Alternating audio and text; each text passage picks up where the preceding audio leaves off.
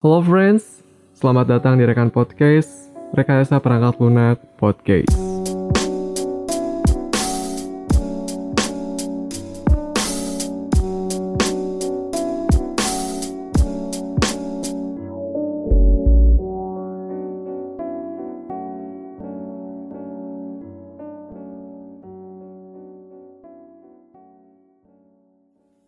Halo semua, apa kabar? Semoga stay awesome, stay struggle, dan sehat-sehat selalu ya.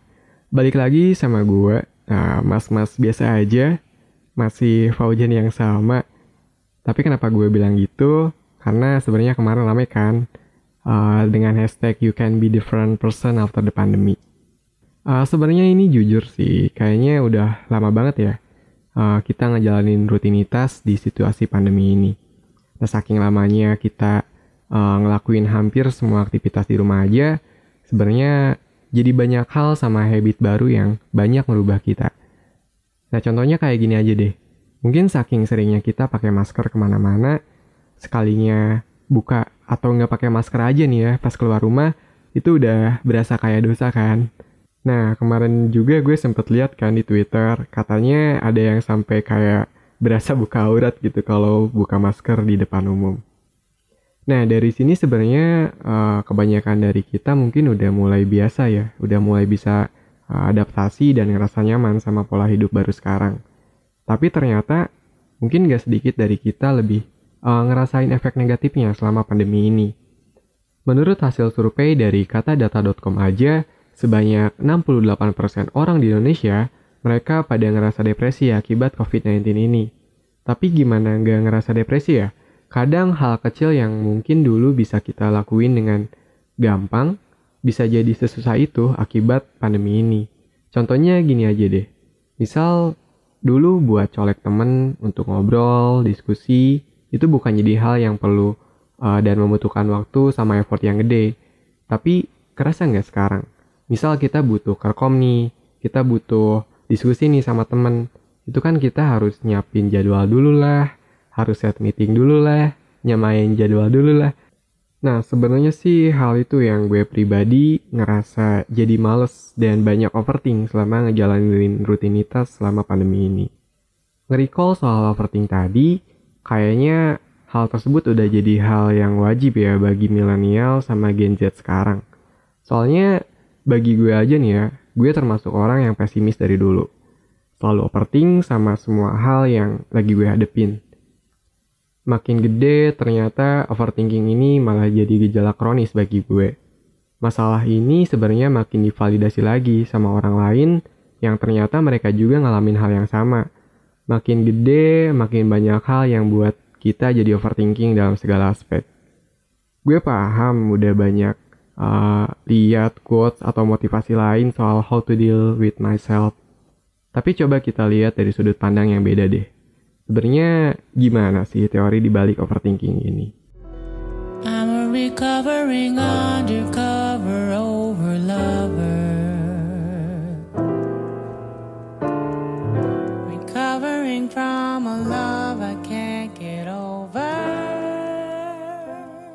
Otak manusia adalah anugerah paling indah yang Tuhan ciptakan.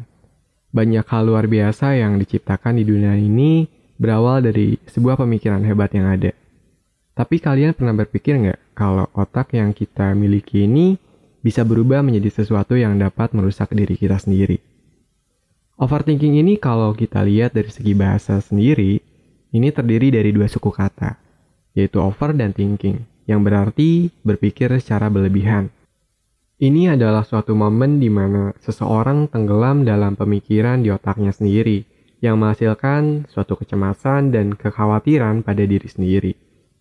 Menurut artikel dari IB Times, ketika kita overthinking, pikiran kita akan membuat sejuta skenario mulai dari yang paling sederhana hingga yang paling kompleks.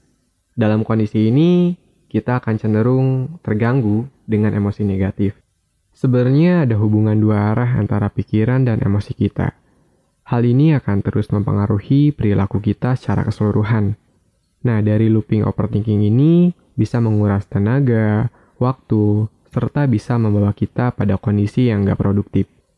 Hal ini dapat menjadi gejala kronis seperti anxiety disorder, dan jika kemudian kita berpikir lebih jauh dari realita, mungkin kita akan larut dalam pikiran kita sendiri.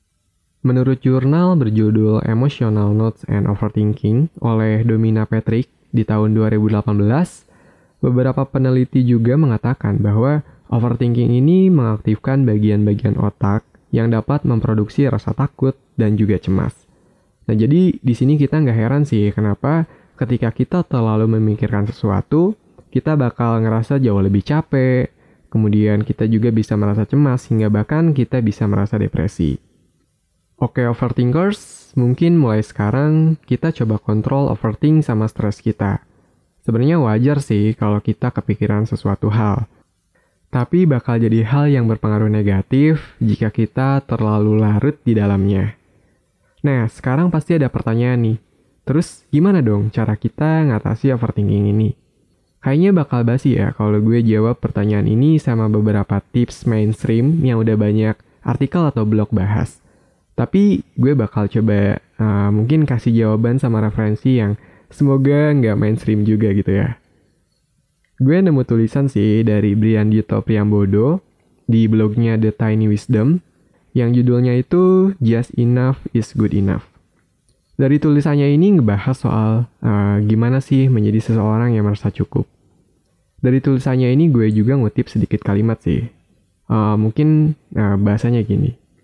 We get our things hoping that they will bring us joy.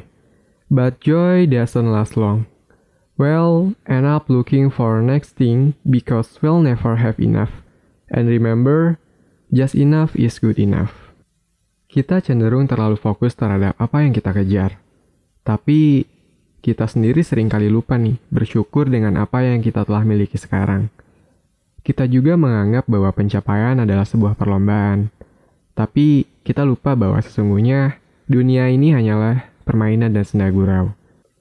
Nah, sebenarnya hal ini udah jauh lebih ramah dijelaskan di dalam Al-Quran surat Al-Ankabut ayat 65. Oke overthinkers, semoga nggak sering-sering lagi ya overthinkingnya.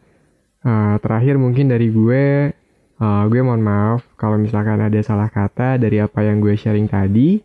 Semoga bisa bermanfaat dan jangan lupa Sesungguhnya segala sesuatu akan terasa lebih ringan apabila kita tidak memikirkannya.